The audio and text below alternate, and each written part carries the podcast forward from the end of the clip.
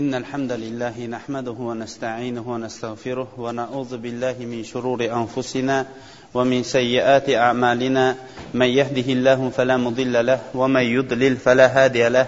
وأشهد أن لا إله إلا الله وحده لا شريك له. وأشهد أن محمدا عبده ورسوله. ثم عما بعد السلام عليكم ورحمة الله وبركاته.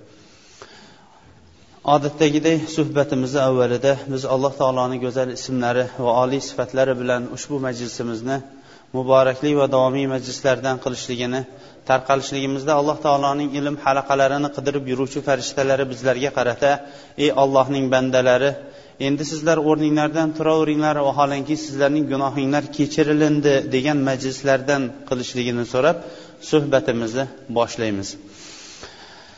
Imom zahabiy rahimaullohning al kabair gunohi kabiralar deb atalgan kitobidan bo'layotgan darsliklar ikkinchi gunohi kabira qatlun nafs inson insonni o'ltirishlik odam odamni o'ltirishlik gunohi kabirasini imom zahabiy rahimaulloh ikkinchi gunohi kabira tartibiga qo'ygan ekan. Alloh subhanava taolo yer yuzasini inson uchun yaratdi va inson uchun hamma narsalarni bo'ysuntirib berdi. Va yer kurrasi uchun yer kurrasida insonni o'zining xalifasi qilib qo'ydi. Va uni suvda quruqlikda osmonda tog'u baland past o'rinlarning hammasida ham inson bolasi foydalanadigan ravishdagi mukarram inson qilib turib alloh taolo bu haqida aytadiki auzu billahi minash shaytonir rojim. Adam darhaqiqat biz odam farzandini mukarram qildik hurmatli qildik deb turib alloh subhanahu va taolo odam farzandini yer yuzasidagi eng mukarram zot qilganligi haqida xabar beradi. Hammamizga ham ma'lumki har bir narsaning qiymatiga qoni bog'liq bo'ladi. Har bir narsaning qiymati qanchalik qimmat bo'ladigan bo'lsa uning qoni ham shunchalik ravishda qimmat va e'zozlashlikka arzigulik bo'ladi. Alloh subhanava taolo shuning uchun ham inson insonning qonini to'kishlikni eng katta gunohlarning bittasi qildi. Va inson insonni nohaq o'ltirishlikni eng katta gunohlarning bittasi qilib turib harom qilingan amallarning bittasi qildi. Lekin shunga qaramasdan yer yuzasida insonni inson o'ltirishlik katta bir jarimasi qo'llanib qo'yildi. U ham bashariyat tarixidagi eng birinchi odam alayhissalomning farzandlari qobil va hobil o'rtasida bo'lgan bir birini o'ltirishlik masalasida alloh subhanahu va taolo moida surasida shunday deydi أعوذ بالله من الشيطان الرجيم واتل عليهم نبأ ابني آدم بالحق إذ قربا قربانا فتقبل من أحدهما ولم يتقبل من الآخر قال لأقتلنك قال إنما يتقبل الله من المتقين. لئن بسطت إلي يدك لتقتلني ما أنا بباسط يدي إليك لأقتلك إني أخاف الله رب العالمين. إني أريد أن تبوء بإثمي وإثمك فتكون من أصحاب النار وذلك جزاء الظالمين. فطوعت له نفسه قتل أخيه فقتله فأصبح من الخاسرين odam alayhissalom bilan alloh subhanahu va taolo uning jufti bo'lgan havo momoni yaratganidan keyin ulardan tug'ilingan zurriyotlarni ba'zi bir mufassirlar aytishganki egizak egizak holatda tug'ilingan degan egizak egizak holatda tug'ilingan farzandlar bittasi o'g'il bittasi esa qiz bo'lib tug'ilingan.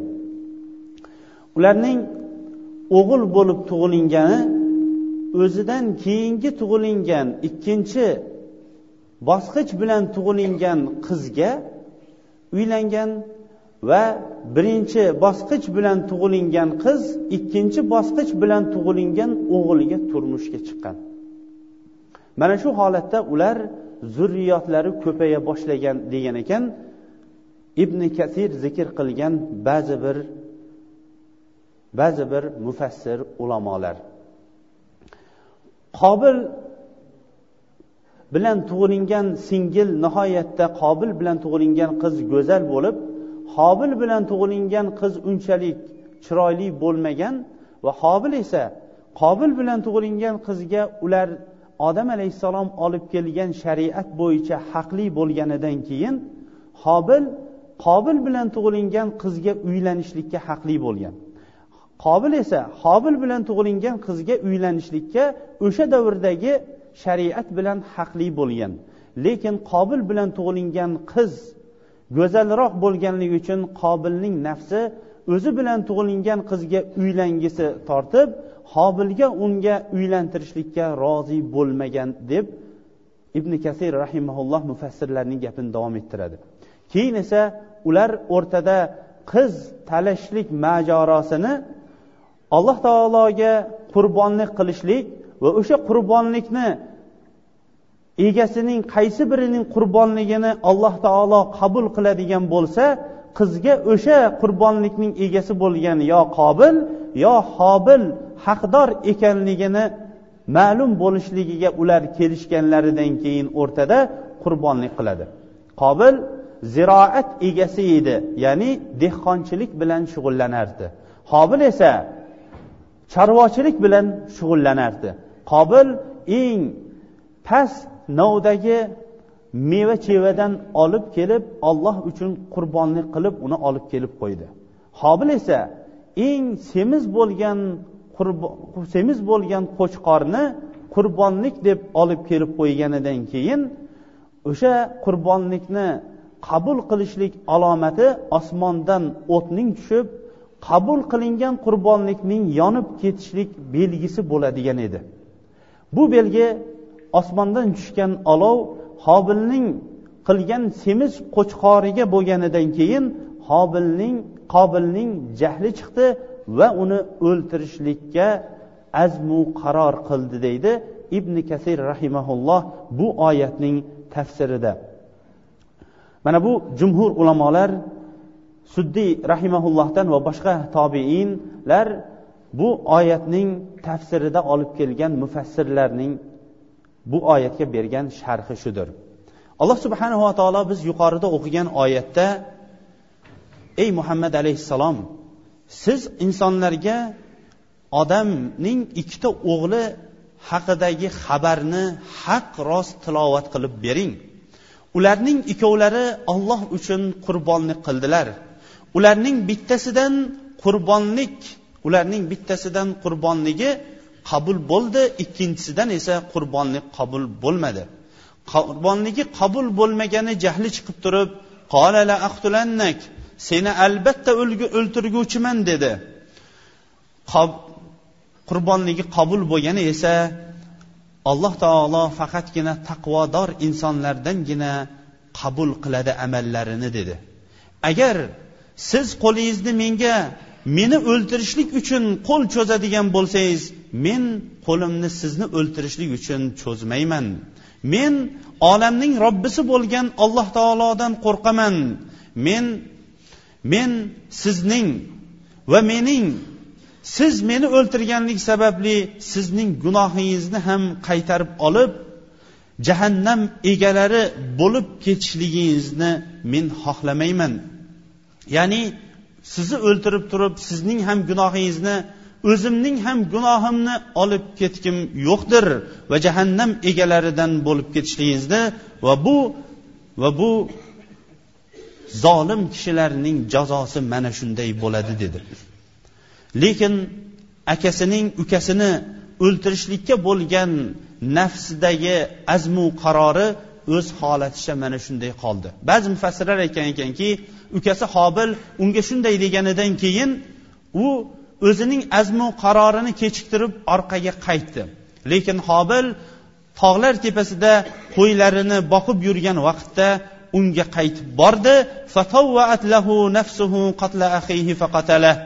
Nafsi baribir o'z ukasini o'ltirishlikda azmu qarorini davom ettiraverdi va o'z ukasini o'ltirdi. Va haqiqiy ziyon ko'rguvchilardan bo'ldi.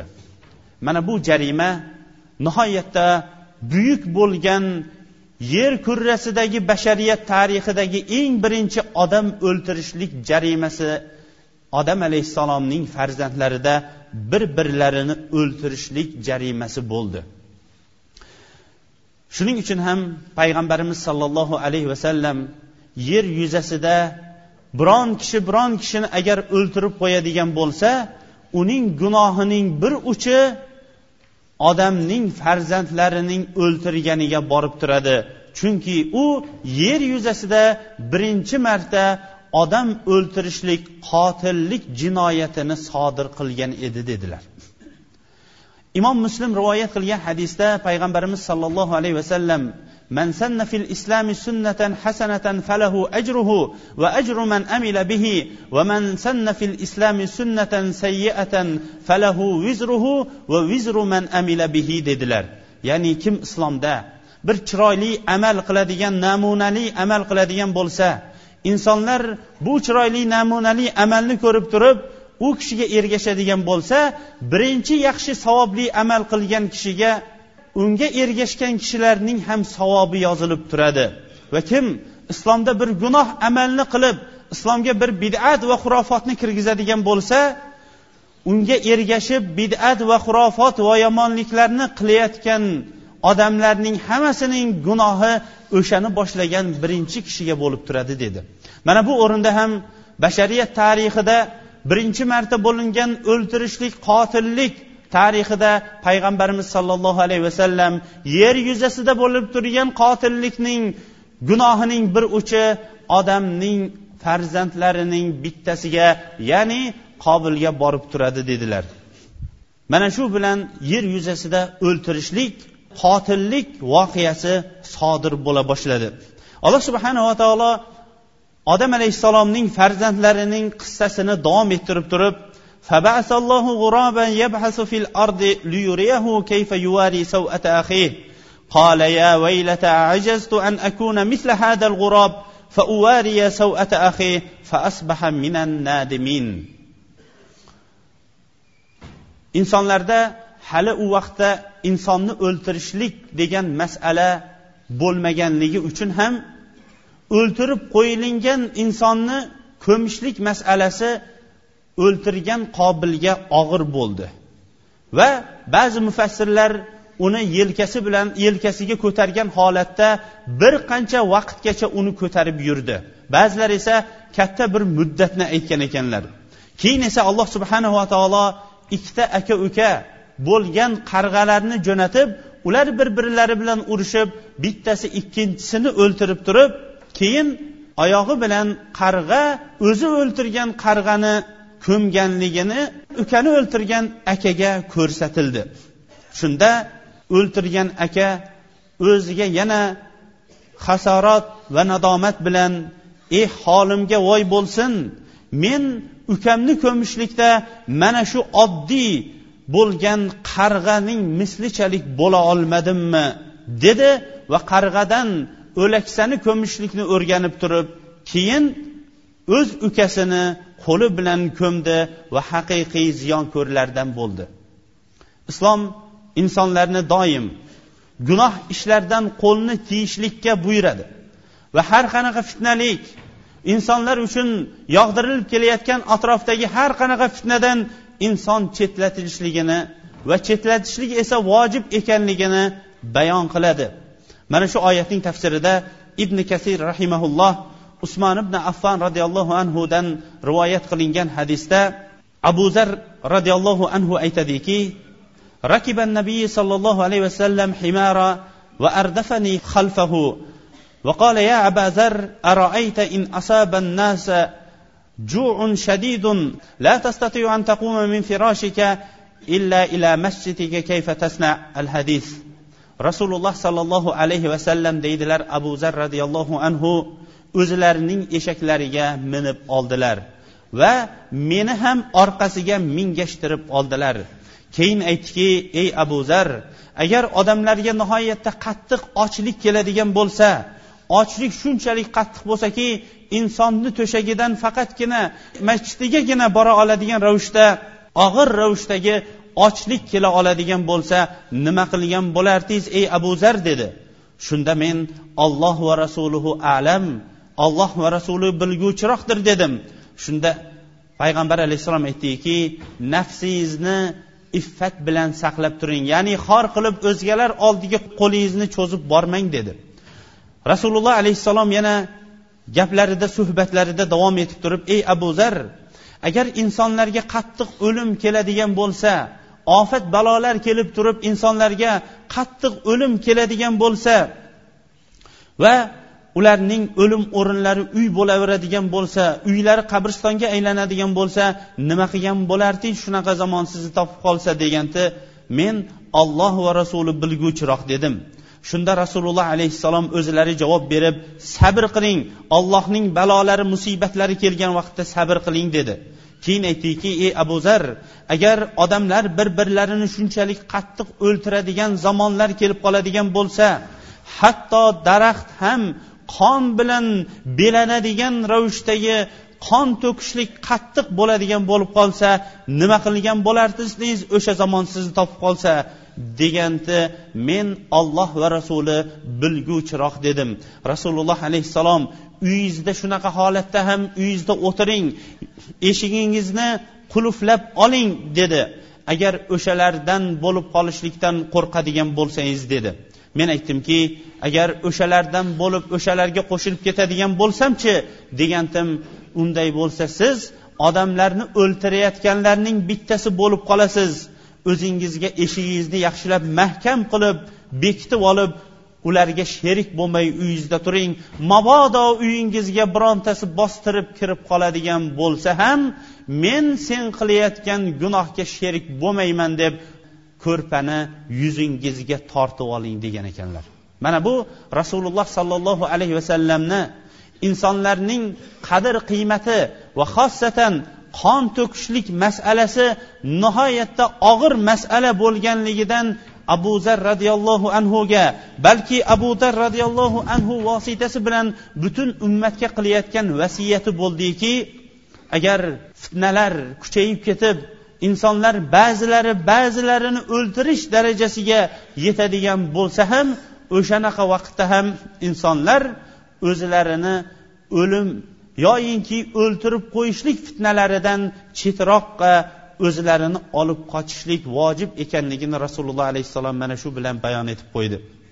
Alloh subhanava taolo yer yuzasida birinchi qotillik sodir bo'lgan tarixini davom etib turib أعوذ بالله من الشيطان الرجيم من أجل ذلك كتبنا على بني إسرائيل أنه من قتل نفسا بغير نفس أو فساد في الأرض فكأنما قتل الناس جميعا ومن أحياها فكأنما أحيا الناس جميعا shuning uchun ham deydi Shuning uchun ham ya'ni tarixda bo'lgan odam alayhissalomning ikki farzandi o'rtasida bo'lgan jinoyat sababli ham biz banu isroilning bo'yniga zimmasiga yozgan narsamiz shu bo'ldiki kim biron kishini beayb o'ltirib qo'yadigan bo'lsa yoyinki yerda fasod tarqatmay yurgan odamni shunday begunoh odamni o'ltirib qo'yadigan bo'lsa go'yoyinki yer yuzasining hammasini o'ltirganday gunohni oladi dedik. Demak kim nohaq insonni o'ltiradigan bo'lsa uning jarimasi go'yoyinki yer yuzasining hammasini ham o'ltirayotgan katta bir jarimani oladi vaman ahyaha ammo kim biron insonni biron insonni tirik qolishligiga sabab bo'ladigan bo'lsa yoki biron insonning tirik qolishligiga sayu harakat qiladigan bo'lsa go'yoyinki insonlarning hammasini tirik qolishligiga sabab bo'libdi. Demak islom dinida nohaq insonni o'ltirishlik katta gunohdir. Insonni o'ltirishlik deganda eng birinchi tushunadigan narsamiz bu insonning nafsini o'ltirishlik xoh qon to'kishlik sababli bo'lsin xoh qon to'kmasdan qon to'kmaslik yo'llari bilan o'ltirishlik bo'lsin. Ikkinchi tiriltirish yoinki tirik saqlab qolish degan masala bo'ladigan bo'lsa insonlarni o'limdan olib qolishlikka sabablar nihoyatda ko'pdir. O'shalarning bittasi mas'uliyatning eng kattasini o'z bo'yinlariga olgan tabiblar. U tabiblar olloh ulardan rozi bo'lsin va rozi qilsin va o'zining agar haq yo'lida bo'ladigan bo'lsa tabiblarchalik tabiblarchalik katta savobdagi insonlar insonlar ichida nihoyatda kam topiladi. Chunki ular kechani kecha demay kunduzni kunduz demay insonlarning tirilib yoyinki ba'zi bir shifolanib qolishligiga sabab bo'ladigan insonlar o'shalardir. Shayxul islom rahimaulloh shuning uchun ham aytadiki to'rt toifa odamlar insonlarni buzadi deydi. To'rt toifa odamlar insonlarni buzadi.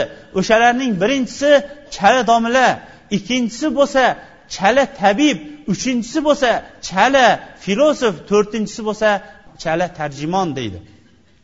O'sha yer yuzasini buzadi degan to'rt toifaning bittasini shayxul islom rahimaulloh chala tabib deb turibdi.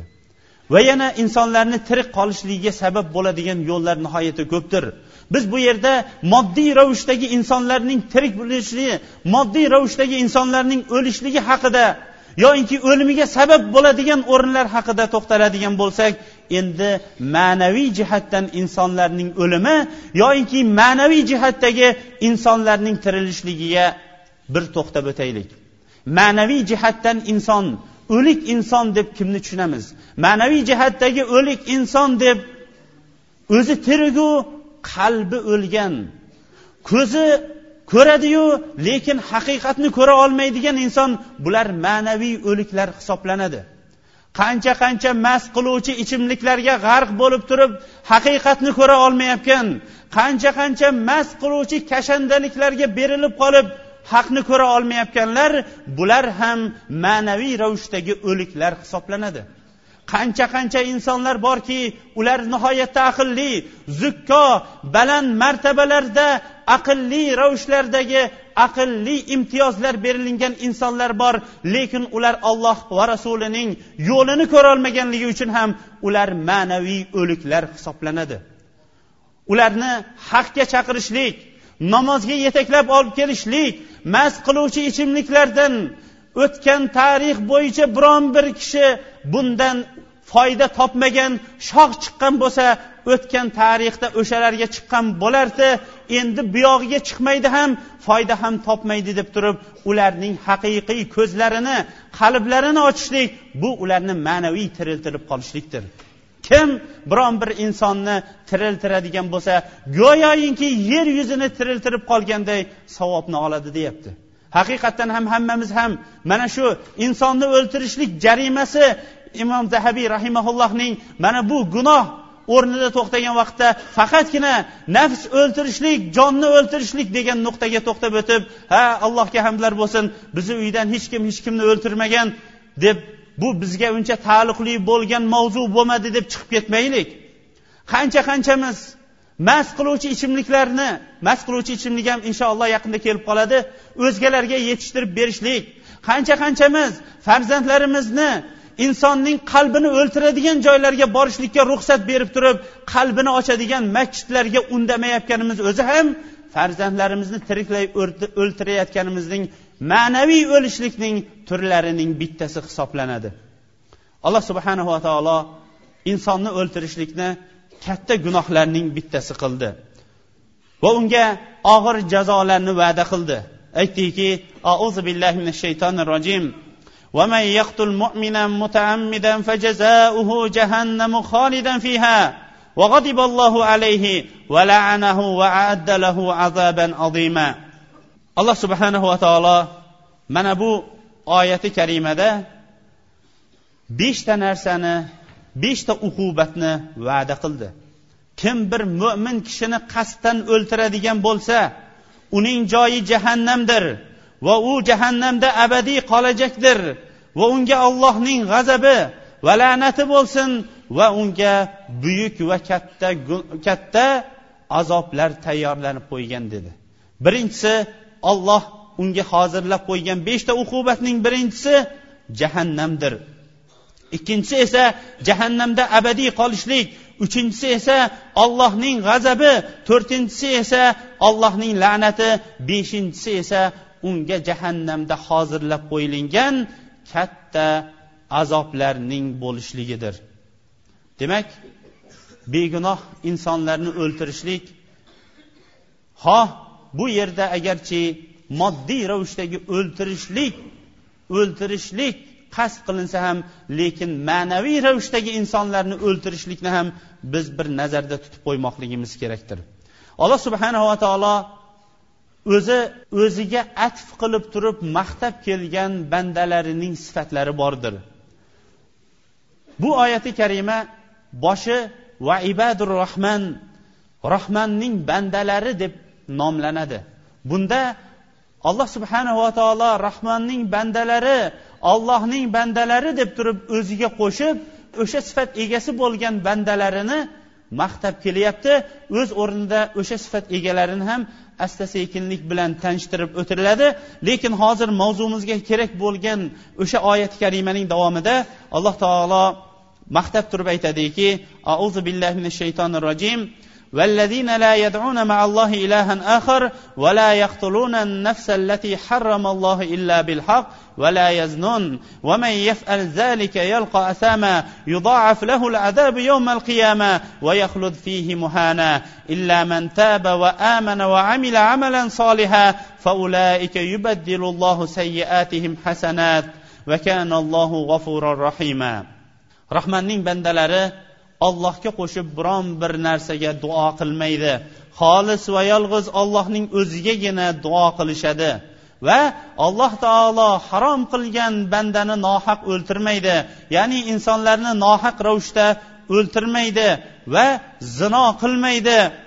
Kim mana shu gunohlarni qiladigan bo'lsa uqubatlarga uchraydi va u qiyomat kunida unga azob qo'shimcha qilib beriladi va xorlangan holatda jahannamda qoladi. Lekin tavba qilganlar va iymon keltirganlar va solih amal qilganlar ularning gunohlarini alloh subhanava taolo savoblarga almashtirib beradi. Alloh taolo gunohlarni kechiruvchi va rahmli bo'lgan zotdir deydi. Alloh subhanava taolo mana bu o'rinda nohaq insonlarni o'ltirishlik jahannamga tushishlikka va u yerda xor bo'lishlikka va abadiy qolishlikka qiyomatda esa ular uchun azob qo'shimcha ravishda berilishligiga sabab bo'ladigan katta gunoh ekanligini bayon qilib beryapti. Insonlarni o'ltirishlik suratlari nihoyatda ko'pdir. O'sha suratlarning bittasi inson o'z farzandini o'ltirishlik. Inson o'z farzandini o'ltirish degan masalada eshitgan vaqtda ba'zan insonlar aytishligi mumkin vo ajabo inson uchun eng aziz bo'lgan o'zidan yaralgan va ko'zining quvonchi belining quvvati va o'zi uchun dunyo va oxiratda suyanchiq bo'lgan farzandini ham o'ltirarmikin degan bir savol tug'ilishligi mumkin.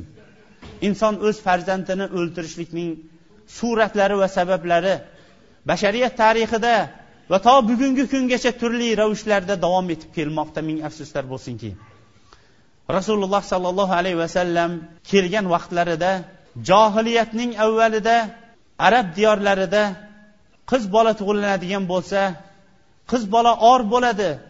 Agar kattayadigan bo'lsa oilaga yo or nomusga xiyonat qilganligi sababli oilaga sharmandagarchilik yoinki turmushi buzilib kelgandan keyin yana oilaga mashaqqat keltiradi deb turib qiz bola tug'ilingan go'daklarni go'daklik davrida o'ltirib yuborishardi ularning faqatgina o'shandagi niyatlarining bittasi o'zlarining oilalarining sharaflarini olib qolishlik edi. Lekin ming afsuslar bo'lsinki bugungi kundagi o'ltirilayotgan go'daklar oilaning sharafligi emas o'zining gunohini yashirishlik o'zining bu bolani nima sababli yoyinki qaysi yo'l bilan kelganlik sababini bekitib tashlashlik uchun odamlar bugungi kunda farzandlarini o'ltiradigan bo'ldi. O'sha vaqtdagi arablar johiliyat asridagi arablar qiz bola tug'ilishligi bilan yoyinki kattaroq bo'lib qolgan qiz bolasini cho'lga olib borib cho'lda unga qabr yoyinki chuqurlik qazib turib o'sha yerda ko'mib keladigan bo'lsa bugungi kundagi johiliyat shu darajada bo'ldiki o'zlarining farzandlarini suvlarga yoyinki suvlarga oqtirib yuborishlik chuqurlarga tashlab yuborishlik yoyinki musor yashiklariga tashlab yuboradigan ravishdagi johiliyat asri avvalgi johiliyatdan ko'ra qattiqroq ravishda o'z go'daklarini o'ltiradigan katta gunoh jarimasiga tushib boryapti.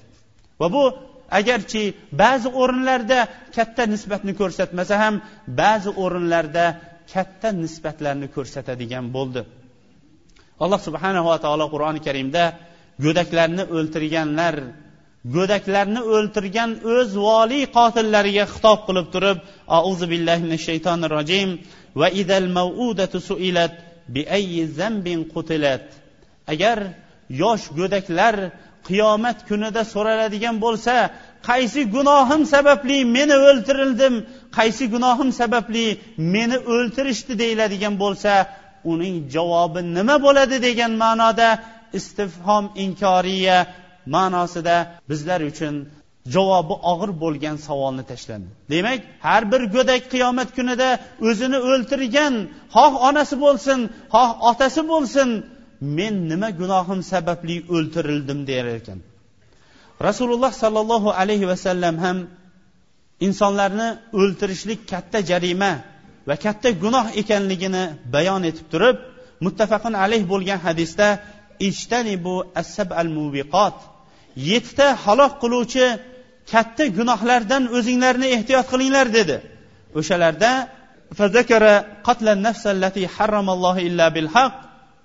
nohaq o'ltiriladigan nafs insonni zikr qildi rasululloh sollallohu alayhi vasallamdan bir kishi kelib turib فقال رجل للنبي صلى الله عليه وسلم أي الذنب أعظم عند الله تعالى قال أن تجعل لله ندا وهو خلقك قال ثم أي قال أن تقتل ولدك خشية أن يطعم معك قال ثم أي قال أن تزاني خليلة جارك فأنزل الله تعالى تصديقها والذين لا يدعون مع الله إلها آخر ولا يقتلون النفس التي حرم الله إلا بالحق ولا يزنون rasululloh sollallohu alayhi vasallamdan sahobalar kelib ba'zan savoblar haqida so'rashadigan bo'lsa va ba'zan ba'zi sahobalar kelib turib rasululloh sollallohu alayhi vasallamdan gunohlar haqida ham so'rashardi hatto o'sha gunohlarni o'zlari qilib qo'yishligidan qo'rqqanliklari uchun Bir kuni rasululloh alayhissalomga bir kishi keldidagin yo rasululloh alloh taoloning huzuridagi eng katta gunoh qaysi gunoh? dedi. Shunda rasululloh sollallohu alayhi vasallam alloh taolo sizni yaratgan bo'lib turib alloh taolo sizni yaratgan bo'lsa ham unga biron narsani sherik qilib qo'shib unga ibodat qilishligingiz ya'ni allohga sherik keltirishligingiz dedi. So'ngra haligi kishi savolida davom etib turib keyin qaysi gunoh katta deganda o'zingiz bilan birga ovqatlanishligidan ovqatlanishligidan qo'rqib bolangizni o'ltirishligingiz dedi. So'ngra qaysi gunoh deganda qo'shningizning ayoli bilan yaqinlik qilishligingiz qo'shningizning ayoli bilan zino qilishligingiz dedi. Alloh subhanava taolo rasululloh alayhissalomning mana bu gaplarini tasdiqlab turib alloh taolo bilan boshqaga qo'shib duo qilmaydiganlar va alloh taolo harom qilgan nafslarni o'ltirmaydiganlar va zino qilmaydigan insonlar deb turib mana bu oyatni nozil qildi. Rasululloh sollallohu alayhi vasallam o'lim o'ltirishlik va o'ltirishlikka sabab bo'lgan vositalarni ham harom qilib turib إذا التقى المسلمان بسيفهما فالقاتل والمقتول في النار. قيل يا رسول الله هذا القاتل فما بال المقتول؟ قال لأنه كان حريصا على قتل صاحبه. إمام أحمد بخاري ومسلم رواية قليا رسول الله صلى الله عليه وسلم أيتكي أجر إكتا مسلمان بر بر بلن قلش بلن bir birlariga uchrasalar ya'ni bir birlariga qilichni ko'tarib urushsalar va biri ikkinchisini o'ltiradigan bo'lsa o'ltirgan odam ham o'lgan odam ham jahannamda dedi. Buni eshitgan sahobalar ajablanishib yo rasululloh o'ltirgan odam xo'p bu jahannamda. Chunki u o'ltirdi ammo o'lgan odam o'zi o'lib turib yana jahannamga tushadimi? Ya'ni qilich bilan o'lib turib o'zi jahannamga tushadimi? deganda rasululloh alayhissalom aytdiki chunki u ham o'zining do'stini o'ltirmoqchi edi dedi. U o'ltirmaganda bu baribir o'ltirgan bo'lardi dedi. Rasululloh sollallohu alayhi vasallam odam o'ltirishlikni shunchalik ravishda qattiq qaytardilar va vasiyatlarining bittasida la tarjiu ba'di kuffaran yadribu ba'dukum riqoba ba'din mendan keyin ba'zinglar ba'zinglarning bo'yninglariga qilich uradigan ravishda kofir bo'lgan holatda orqaga qaytib ketmanglar dindan murtad bo'lib bir biringlarning bo'yninglariga qilich urib ketadigan ravishda dindan qaytib ketmanglar dedi yana rasululloh sollallohu alayhi vasallam insonning dindagi eng erkin va baxtli soatlari qaysi ekanligini bayon etib turib la yazalul abdu fi fushatin min dinihi ma lam yusib daman haroman mo'min kishi o'zining dinida keng baxtli saodatli bo'lib turib o'z dinida erkin va ixtiyor bilan baxtli yashayveradi. Madomiki biron bir olloh o'ltirishlikni harom qilgan jonni o'ltirib qo'ymagan bo'lsa dedilar. Va yana rasululloh sollallohu alayhi vasallam qiyomat kunidagi hisob kitob mahshargohida insonlarning har xil ravishda va har xil navbat bilan o'z o'rnida savol javoblarini bayon qilib turib muttafaqun alayh. Ya'ni odamlar o'rtasida qiyomat kunida eng birinchi hisob kitob qilib qazosi hukmi chiqariladigan narsa qon odam o'ltirishlikda bo'ladi dedi. Demak hukm chiqarishlik bobida eng birinchisi odam o'ltirishlikda bo'ladigan bo'lsa inshaalloh o'z o'rnida kelgusi darslarimizda aytilinadi. Eng birinchi hisob kitob qilinadigan namoz ammo hukm qilinadigan masalada bo'lsa eng birinchisi u qonda bo'ladi. Rasululloh sollallohu alayhi vasallam insonlarning qanchalik ravishda izzati ikromi va bu yer yuzasida alloh taolo insonni qanchalik ravishda mukarram qilganligini bayon etib turib laqatlu mu'minin indallohi min zavalid dunya. Bir mo'minni o'ltirishlik butun yer yuzasini yo'qotib qo'yishlikdan yo'qolib kelishlikdan kattaroqdir dedi. Bir insonni o'ltirishlik yer yuzasining yo'q bo'lib ketishligi mo'min kishini o'ltirishlik undan ham kattaroqdir dedi. Rasululloh sollallohu alayhi vasallam yana katta gunohlarni bayon qilib turib al kabairu al ishroku billah va qatlun nafs val yaminul g'amus katta gunohlar ollohga sherik keltirishlik odam o'ltirishlik val yaminul g'amus va insonni halok qiladigan qasamlarni ichishlikdir dedi. Mo'min kishini o'ltirishlik shunchalik katta bir gunoh bo'ladigan bo'lsa insonlarni o'ltirishlik toifasi nihoyatda ko'pdir. O'shalarni ulamolar to'rt qismga bo'lgandir.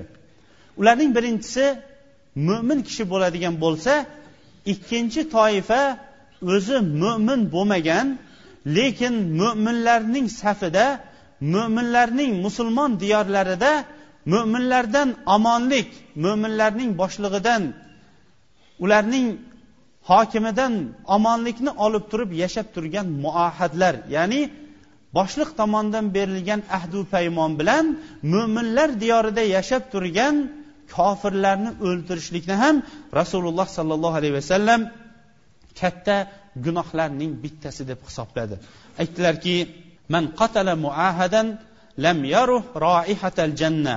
Va inna raihataha latujadu min masirati arba'ina aman axrajahu al buxoriy kim mu'minlarning diyorida omonlik bilan yashayotgan bir kofirni o'ltiradigan bo'lsa u jannatning hidini topmaydi. Vaholanki jannatning hidi qirq yillik masofagacha yetib turadi dedi. boshqa bir hadisda bo'lsa ala man قتل نفسا معاهدة لها ذمة الله وذمة رسوله فقد أخفر ذمة الله ولا يرح رائحة الجنة وإن ريحها ليوجد من مسيرة خمسين خريفا ogoh bo'linglarki bir muahad ya'ni yuqorida zikr qilingan mo'minlarning diyorida unga tinchlik berilgan shartnomasi bilan yashayotgan bir kofirni olloh va rasulining unda zimmasi bo'lib turgan bir kofirni o'ltirib qo'yadigan bo'lsa ollohning zimmasidagi o'rtani ochiq qilib qo'yibdi. Bunday odam jannatning hidini topmaydi vaholanki jannatning hidi ellik ellik yillik joygacha ellik yillik masofagacha bo'lgan joyga yetib turadi dedilar. Bu yerda qisos olishlik yoyinki nafs o'ltirilgandan keyingi ba'zi bir ulamolar aytgan e, ba'zi bir masalalar ham bor lekin vaqtimiz yaqinlashib qolganligi sababli ham bu masalaga to'xtay olmaymiz. Inshaalloh kelgusi haftada gunoh kabiraning uchinchisi bo'lgan sehr haqida inshaalloh e, suhbatimiz davom etadi lekin bugungi e, imom zahabiy rahimaullohning tartibi bo'yicha jon o'ltirishlik katta gunohlarining ikkinchisini mana shu miqdorda inshaalloh qanoatlanib to'xtalamiz إن الحمد لله نحمده ونستعينه ونستغفره ونعوذ بالله من شرور أنفسنا ومن سيئات أعمالنا من يهده الله فلا مضل له ومن يضلل فلا هادي له وأشهد أن لا إله إلا الله وحده لا شريك له وأشهد أن محمدا عبده ورسوله أعوذ بالله من الشيطان الرجيم. يا أيها الناس اتقوا ربكم الذي خلقكم من نفس واحدة وخلق منها زوجها وبث منهما رجالا كثيرا ونساء واتقوا الله الذي تساءلون به والأرحام. إن الله كان بكم رقيبا. أعوذ بالله من الشيطان الرجيم. يا أيها الناس قولوا قولا سديدا. يصلح لكم أعمالكم ويغفر لكم ذنوبكم. ومن يطع الله ورسوله فقد فاز فوزا عظيما. يا ايها الذين امنوا اتقوا الله حق تقاته ولا تموتن الا وانتم مسلمون ثم عما بعد alloh subhanahu va taolo yer yuzasini yaratar ekan unda joriy qilinadigan fasllarni va kunlarni va haftalarni va oylarni joriy qilib qo'ydi alloh subhanahu va taolo qur'oni karimda auzu billahi minash shaytonir rojim allohning huzuridagi oylar o'n ikkita oydir deydi. Demak hammamiz ham o'ylanib va o'rganib qolgan milodiy oylar bilan hijriy oylarning sanog'i birdir. Milodiy oylar ham yil davomida o'n ikki oy bo'ladigan bo'lsa hijriy ham o'n ikki oy bordir. Hozir biz hijriy muharram oyida muharram oyining boshida turibmiz. Muharram oyi bu hijriy yillarning eng boshidagi oy hisoblanadi. Bu yil hijriy yilning bir ming to'rt yuz o'ttizinchi yili boshlanmoqda.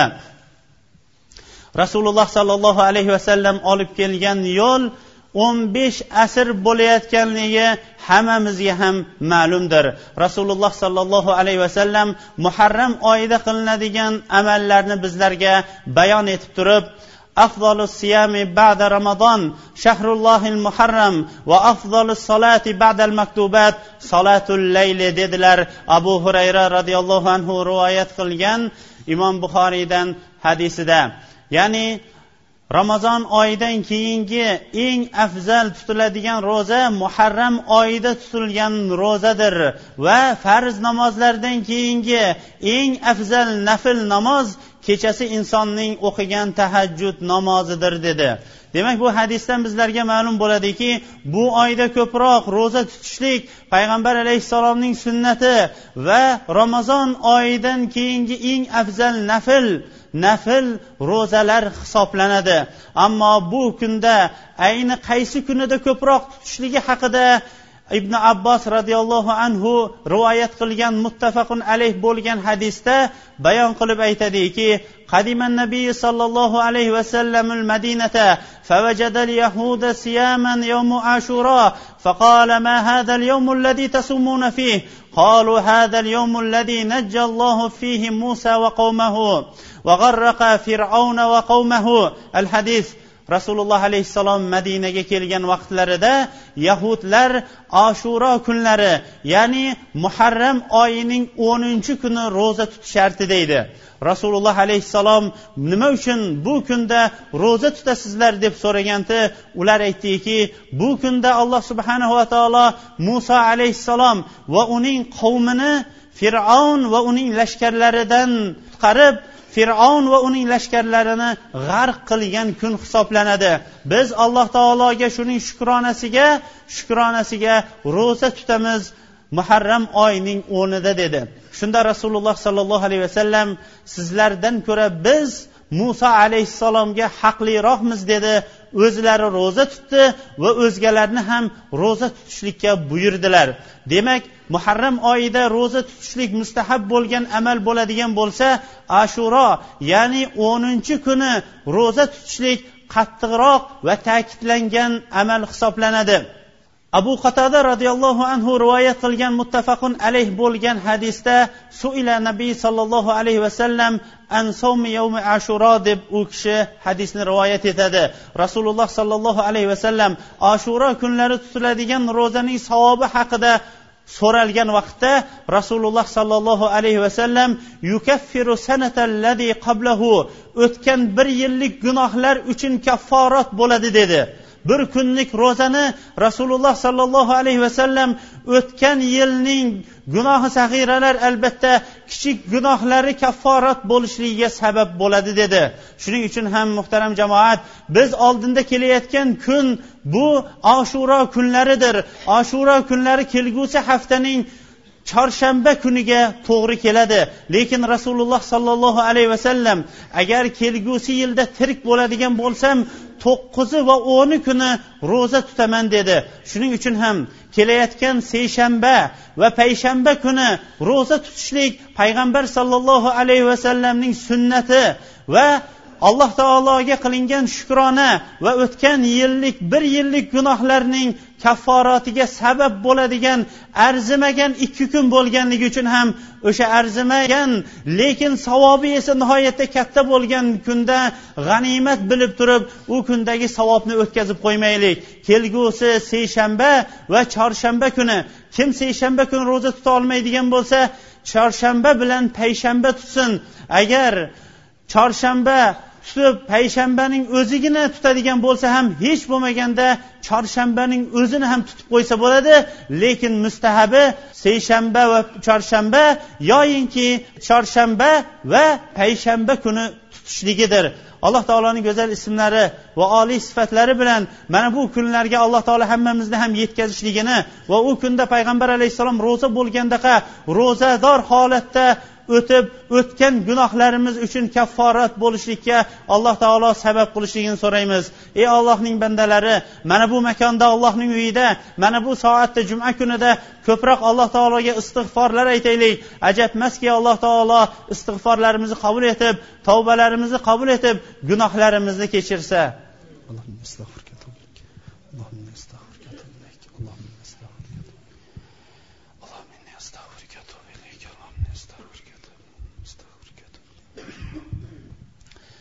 alhamdulillahi robbil alamin vassalotu vassalam ala nabiyina muhammadin va ala alihi va sahbihi va man ihtada bihadihi ila yawmiddin summa amma ba'd.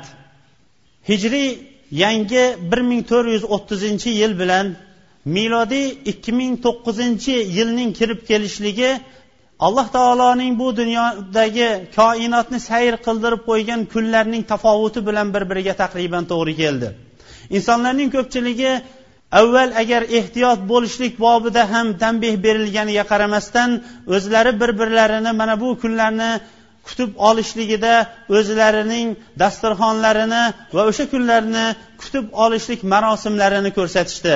Lekin xalqlar ichidagi ba'zi bir yurgan noto'g'ri bo'lgan talaffuzlarning ba'zilariga to'xtab o'tishlik mana shu o'rinda aynan kerak bo'lgandir.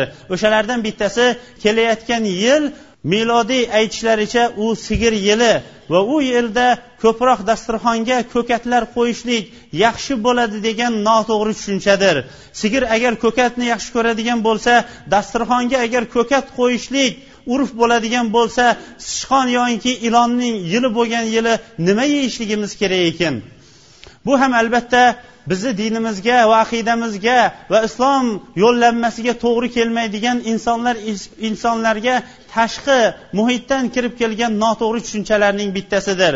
Insonlar bir birlarini yana bir yili qo'shilishligi bilan tabriklashdi lekin unga yana qo'shimcha qilib biz aytgan bo'lardikki bir yilingiz yana bir yoshingiz bilan muborakbod etamiz deganda biz yana aytgan bo'lardikki allohga yaqinlashayotgan yana bir yilingiz bilan ta'ziyangizni izhor qilgan bo'lardik deb.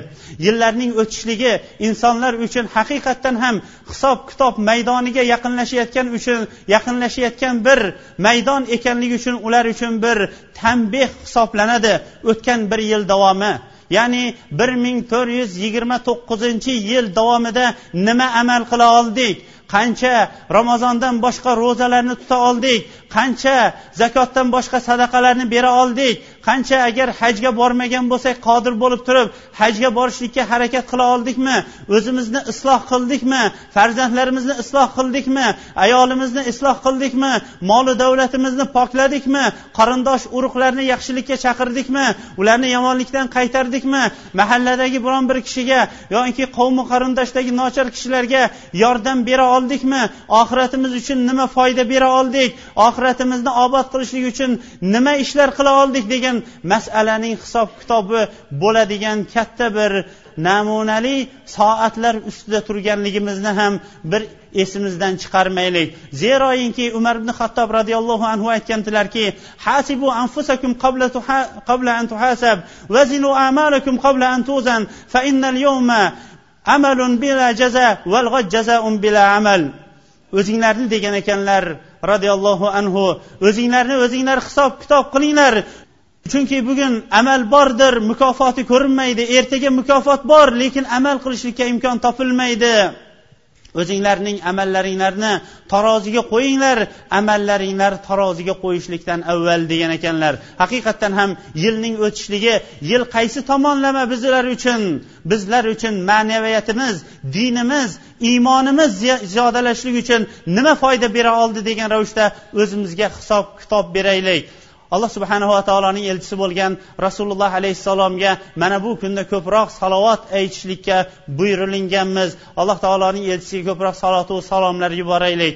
إن الله وملائكته يصلون على النبي. يا أيها الذين آمنوا صلوا عليه وسلموا تسليما. اللهم صل على محمد وعلى آل محمد كما صليت على إبراهيم وعلى آل إبراهيم إنك حميد مجيد. اللهم بارك على محمد وعلى آل محمد كما باركت على إبراهيم وعلى آل إبراهيم إنك حميد مجيد. اللهم أعز الإسلام والمسلمين وأذل الشرك والمشركين واحمي حوزة الدين. اللهم انصر دينك. اللهم انصر دينك. اللهم انصر دينك. اللهم انصر دينك يا ذا الجلال والإكرام. الكرام. اللهم إنا نسألك خير ما سألك به حبيبك ونبيك محمد صلى الله عليه وسلم. ونعوذ بك ما استعاذك به نبيك وحبيبك محمد صلى الله عليه وسلم.